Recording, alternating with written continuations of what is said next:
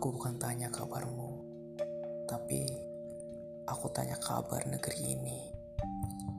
Negeri yang menyatakan dan dinyatakan merdeka pada tahun 1945. Beribu pihak memperjuangkan kemerdekaan kala itu, dan mereka rela tumbang demi berdirinya negeri ini. Negeri yang sampai saat ini bernama negeri Indonesia. Seperti Jenderal Sudirman dengan taktik gerilyanya, Pangeran Diponegoro yang berhasil pukul mundur Belanda di tanah Jawa. Bung Tomo yang menggelorakan semangat Surabaya. Patimura yang memimpin Maluku. Sampai Sultan Hasanuddin dengan julukan ayam jantan dari timur. Meski harus gugur dalam peperangan fisik, perjuangan mereka tak akan sia ketika dilanjutkan dengan perjuangan diplomasi.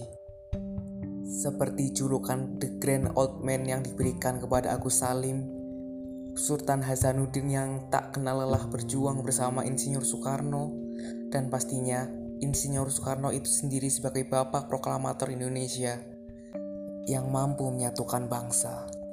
Semua yang para pejuang bangsa lakukan merupakan jerih payah sampai titik darah penghabisan terakhir mereka. Mereka yang berjuang kala itu dan harus gugur menitipkan kata-kata dan pesan kepada pemuda generasi selanjutnya. Mari kita dengarkan dan bandingkan kepada kenyataan yang ada pada Indonesia saat ini.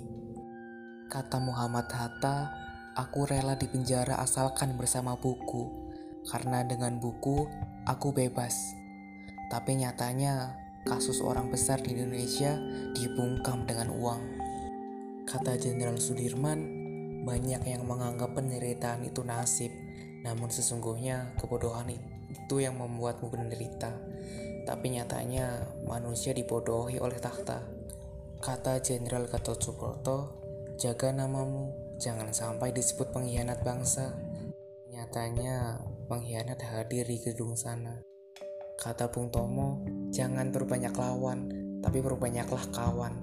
Tapi nyatanya kawan datang lalu bersembunyi di balik selimut. Kalau kata Bung Karno, Aku lebih suka pemuda yang merokok dan minum kopi tapi memikirkan bangsa ini ketimbang pemuda yang kutu buku tapi memikirkan dirinya sendiri. Tapi nyatanya semua sekarang memikirkan dirinya sendiri. Aduh, apa benar negeri ini rusak? Ya, saya sih tidak menyimpulkan seperti itu karena saya menolak. Ya, saya menolak menjadi Indonesia. Saya menolak menjadi Indonesia yang tidak selaras dengan pesan para pejuang dan tidak melanjutkan perjuangan mereka demi bangsa ini.